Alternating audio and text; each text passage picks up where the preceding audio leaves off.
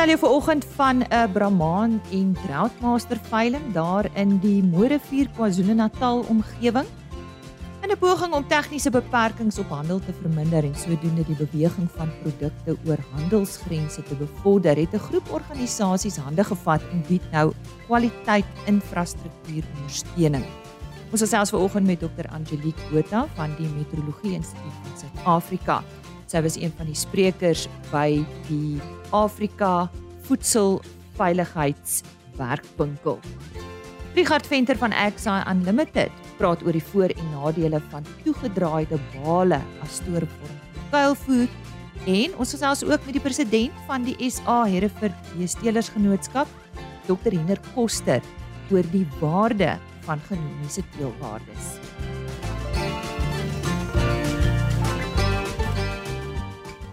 Dis dan vanoggend op RC Landbou van my Lise Roberts. Hartlik welkom by vandag se program.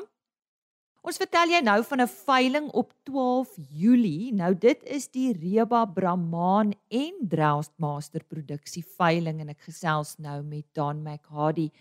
Don, I believe you in the Moy River area. What are conditions like there at the moment? I mean, you, did you also have lots of rain? we had huge rain in the summer. Now yeah. we slap bang in the middle of winter. Mm. So our mornings are white with frost, and then we've got beautiful days. Also cold. Yeah. Very yeah. cold. Uh, yes. What what what's your minimum temperature in the morning? Um, at the moment, most mornings for the last couple of weeks, we've been sort of minus four to minus six degrees in the morning. Sure, sure. sure. Um, and how long have you been in that area?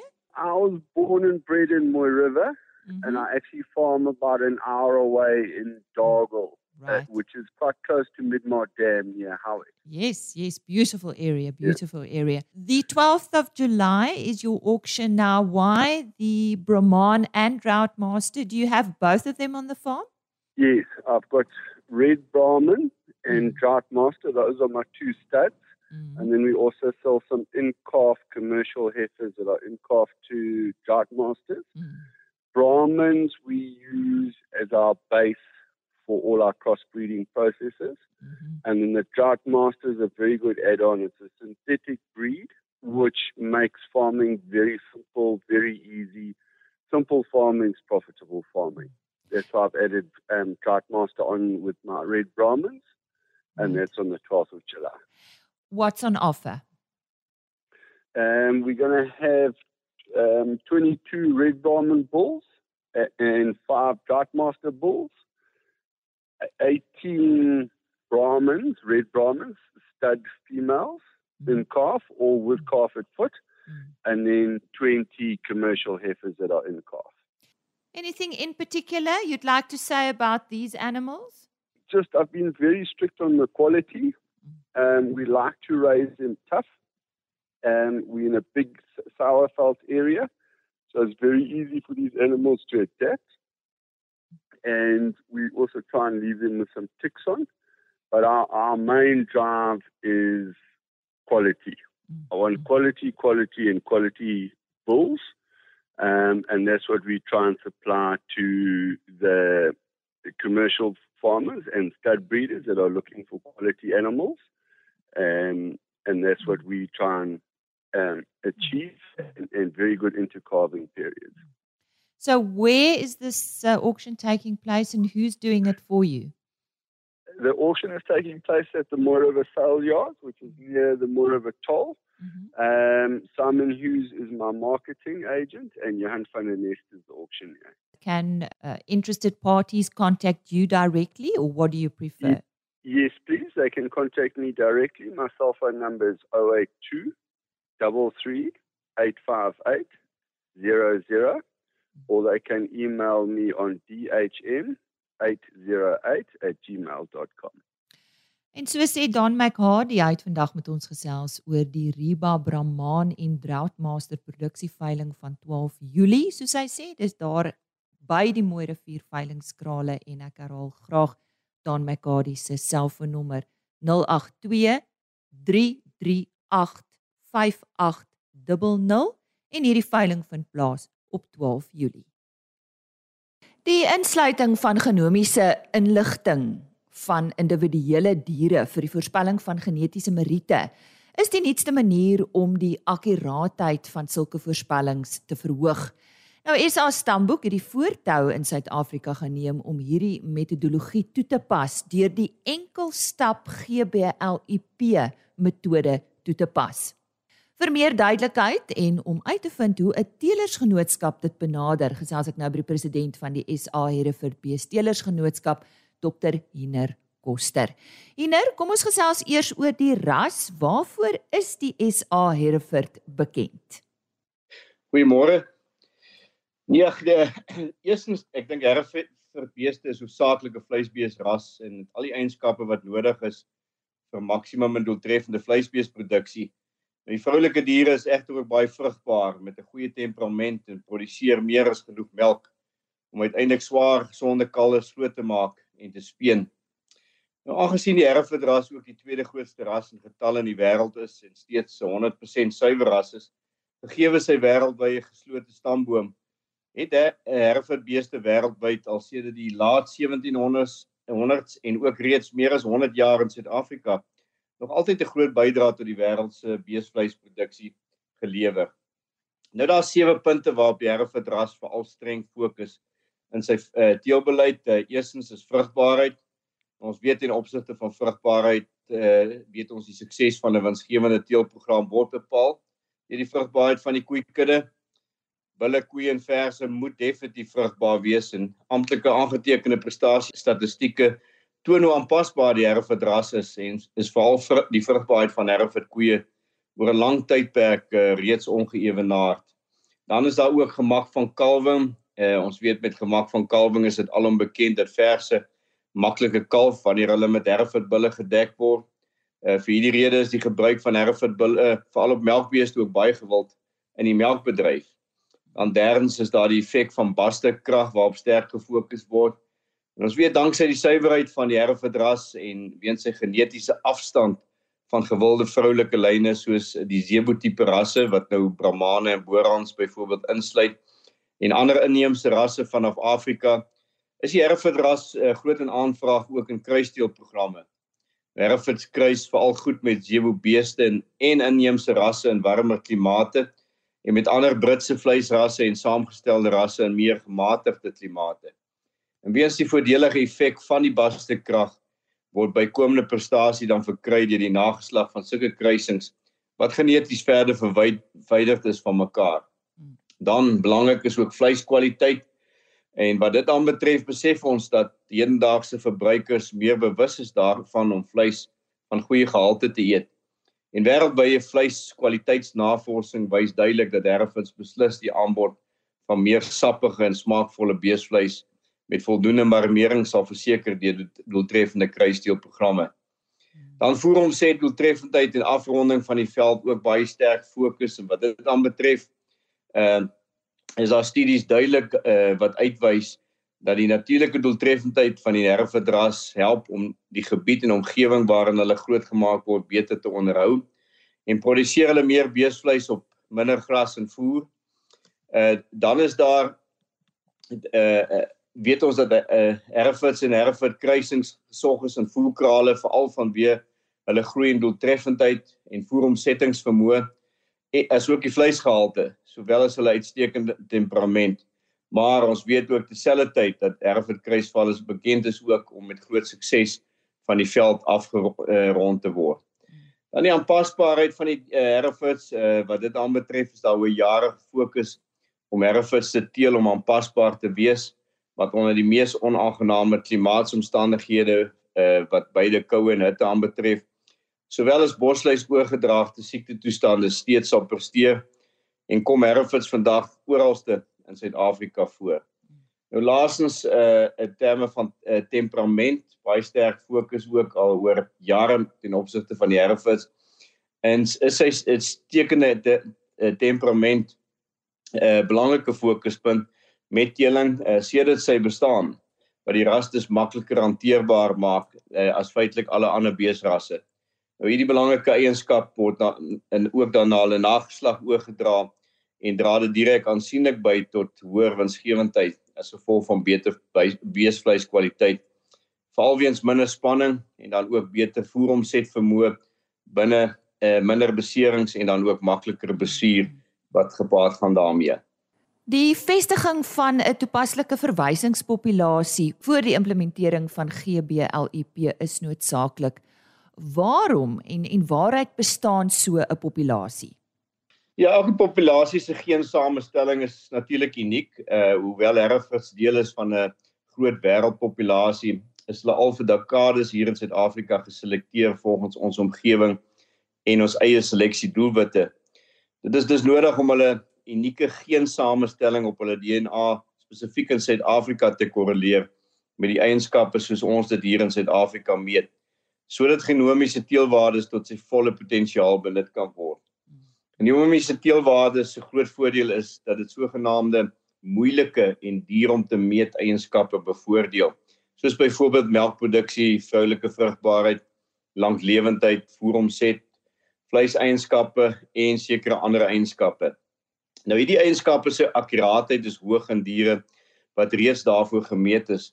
En sulke diere is dus ideaal om die verwantskap tussen die DNA en die spesifieke eienskap te bepaal.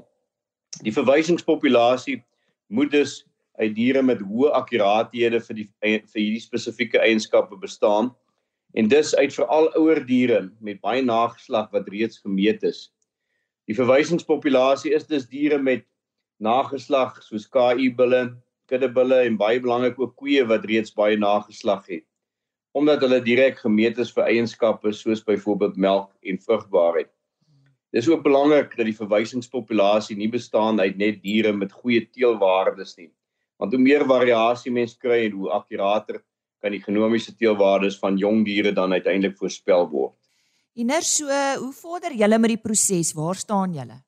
Wel die Herfordras het reeds meer as 800 diere wat genomies getoets is. Uh dis het SA stamboek nou uh na suksesvolle proefloopie in samewerking met die Herford Teelers Genootskap Die herf het sy eerste genomiese evaluasie in in Junie 2022 onlangs vrygestel. Die basis is dus nou gevestig en teelers kan begin om die voordeel van genomiese teelwaardes reeds te gebruik. En dit maak ook die Suid-Afrikaanse herf dat dit slegs die 5de ras is in Afrika wat genomiese teelwaardes ontvang en gevolglik een van die leier vleisbeesrasse. So wat is die voordele of die waarde hiervan vir die teeler?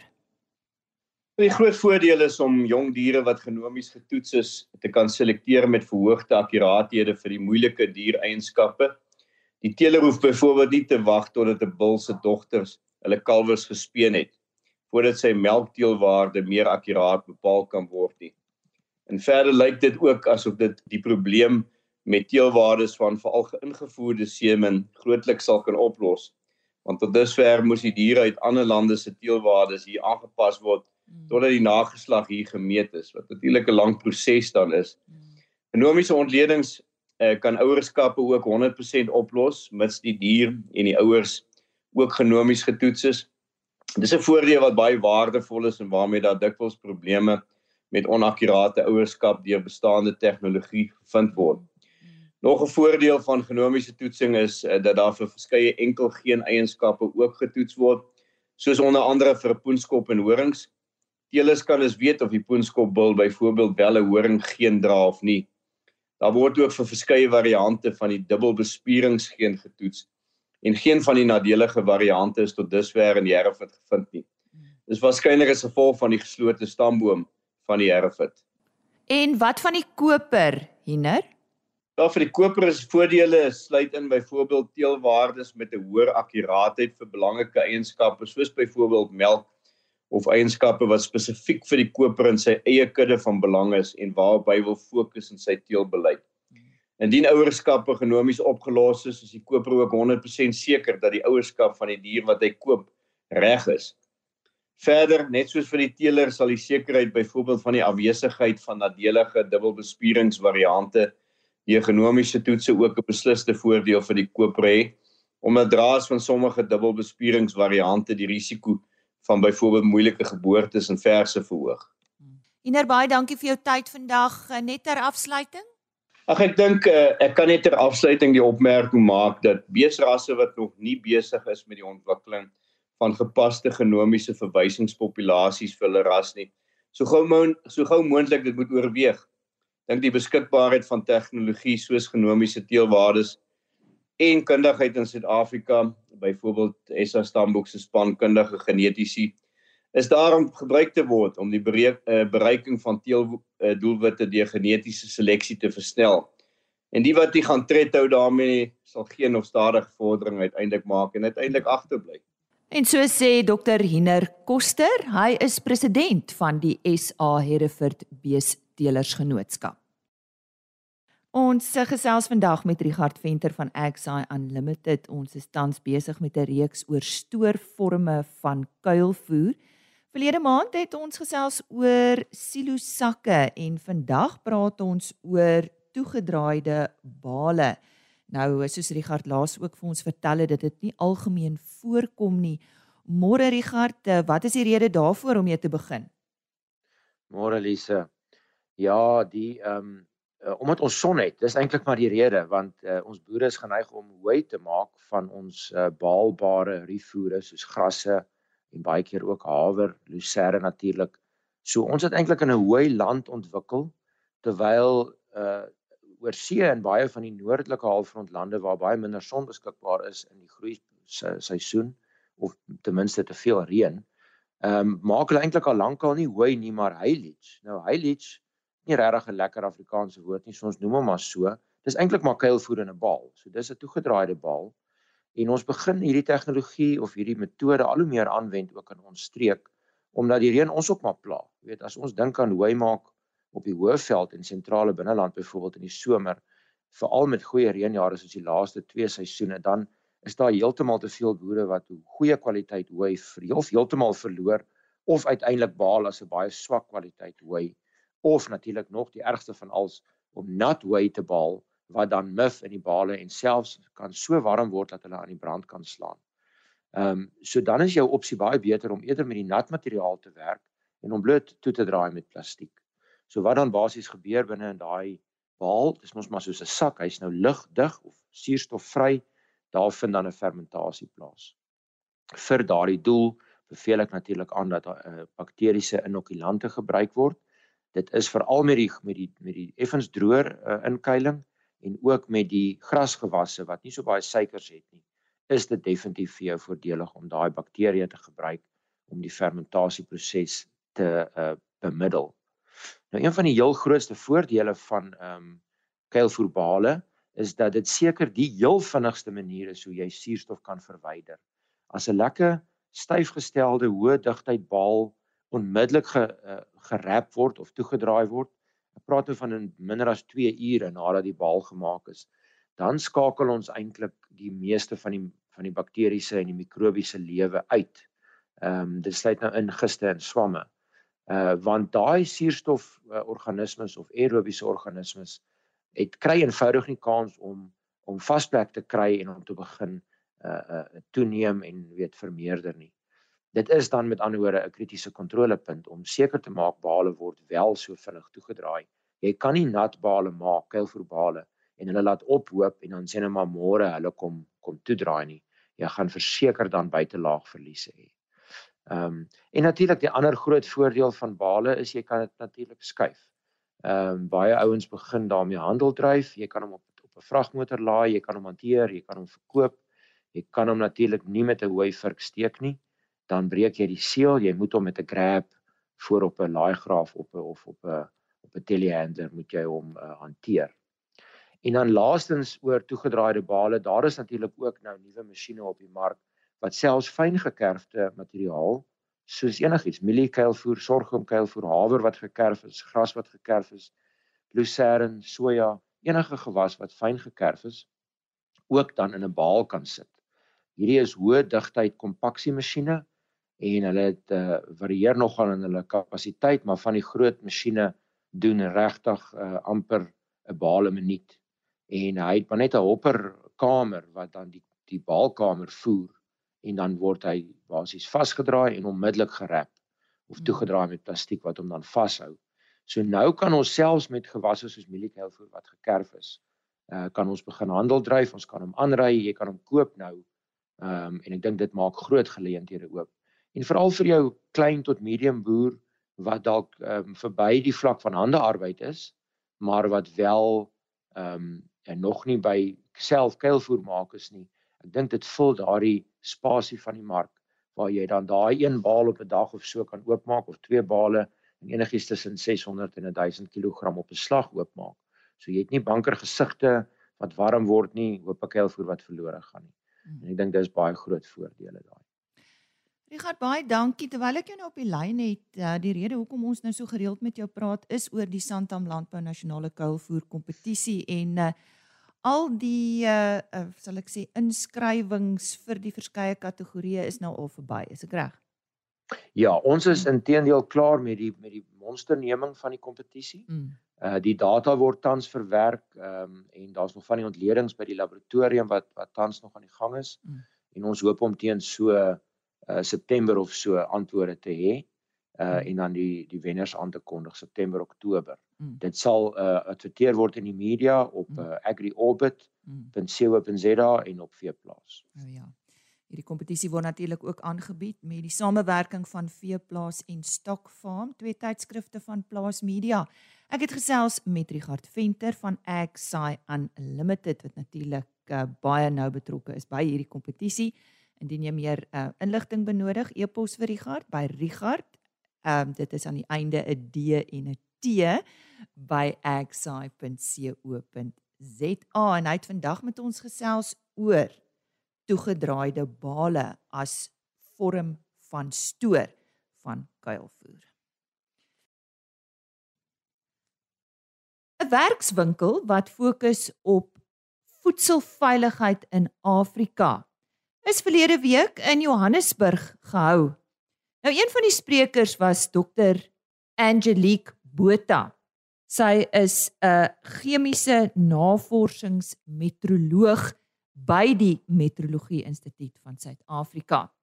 En haar onderwerp was kwaliteit infrastruktuur ondersteuning vir die bevordering van visuitvoere. Angelique, waarna verwys ons as ons praat van kwaliteitsinfrastruktuur ondersteuning by visuitvoere?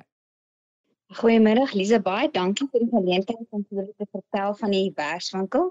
So die kwaliteitsinfrastruktuur van Suid-Afrika is basies 'n groep organisasies wat saamwerk saam met die Wêreldhandelorganisasie. In Engels noem ons dit die World Trade Organization. Dit sal dalk 'n bietjie meer bekend wees vir mense om tegniese beperkings op handel te verminder. Waarom is dit nodig om hieroor te praat?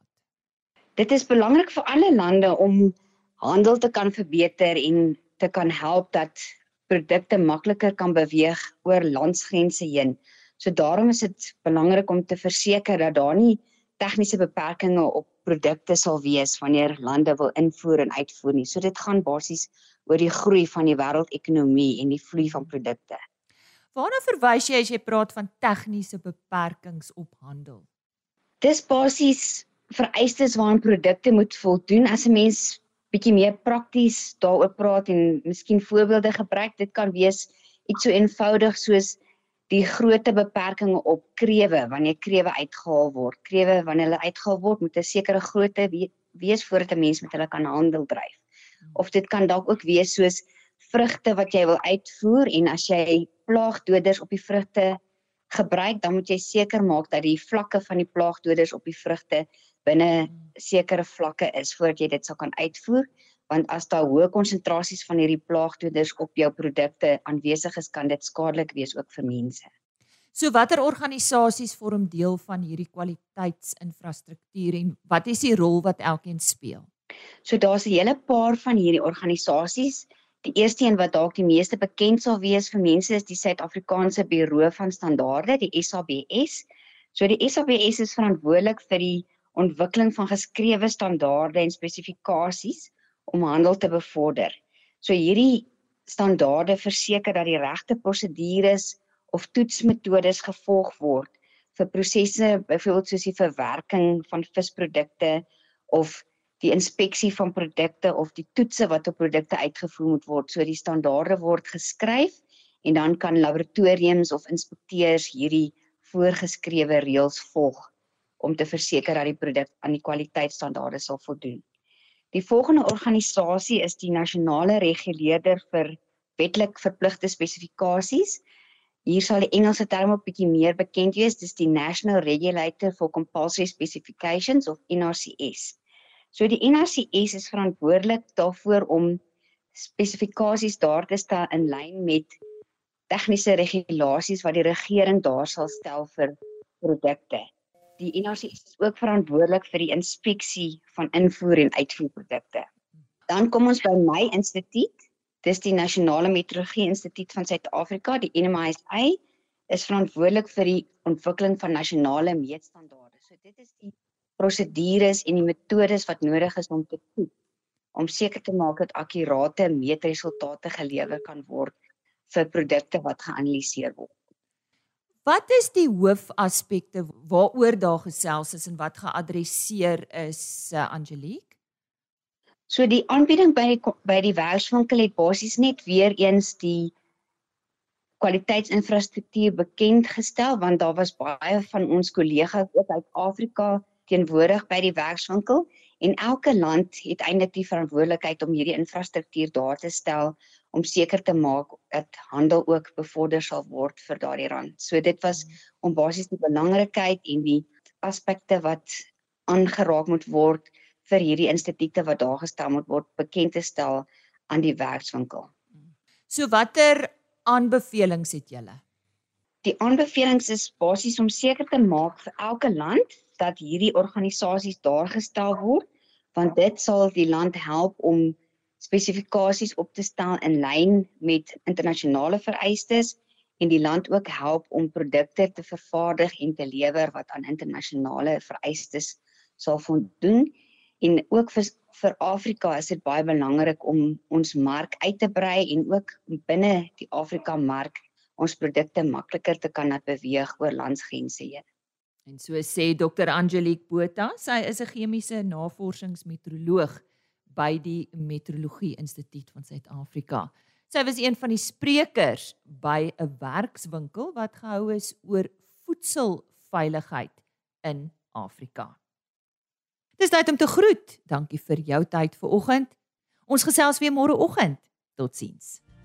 RSG Landbou is 'n plaas media produksie met regisseur en aanbieder Lize Roberts en tegniese ondersteuning deur Jolande Rooi.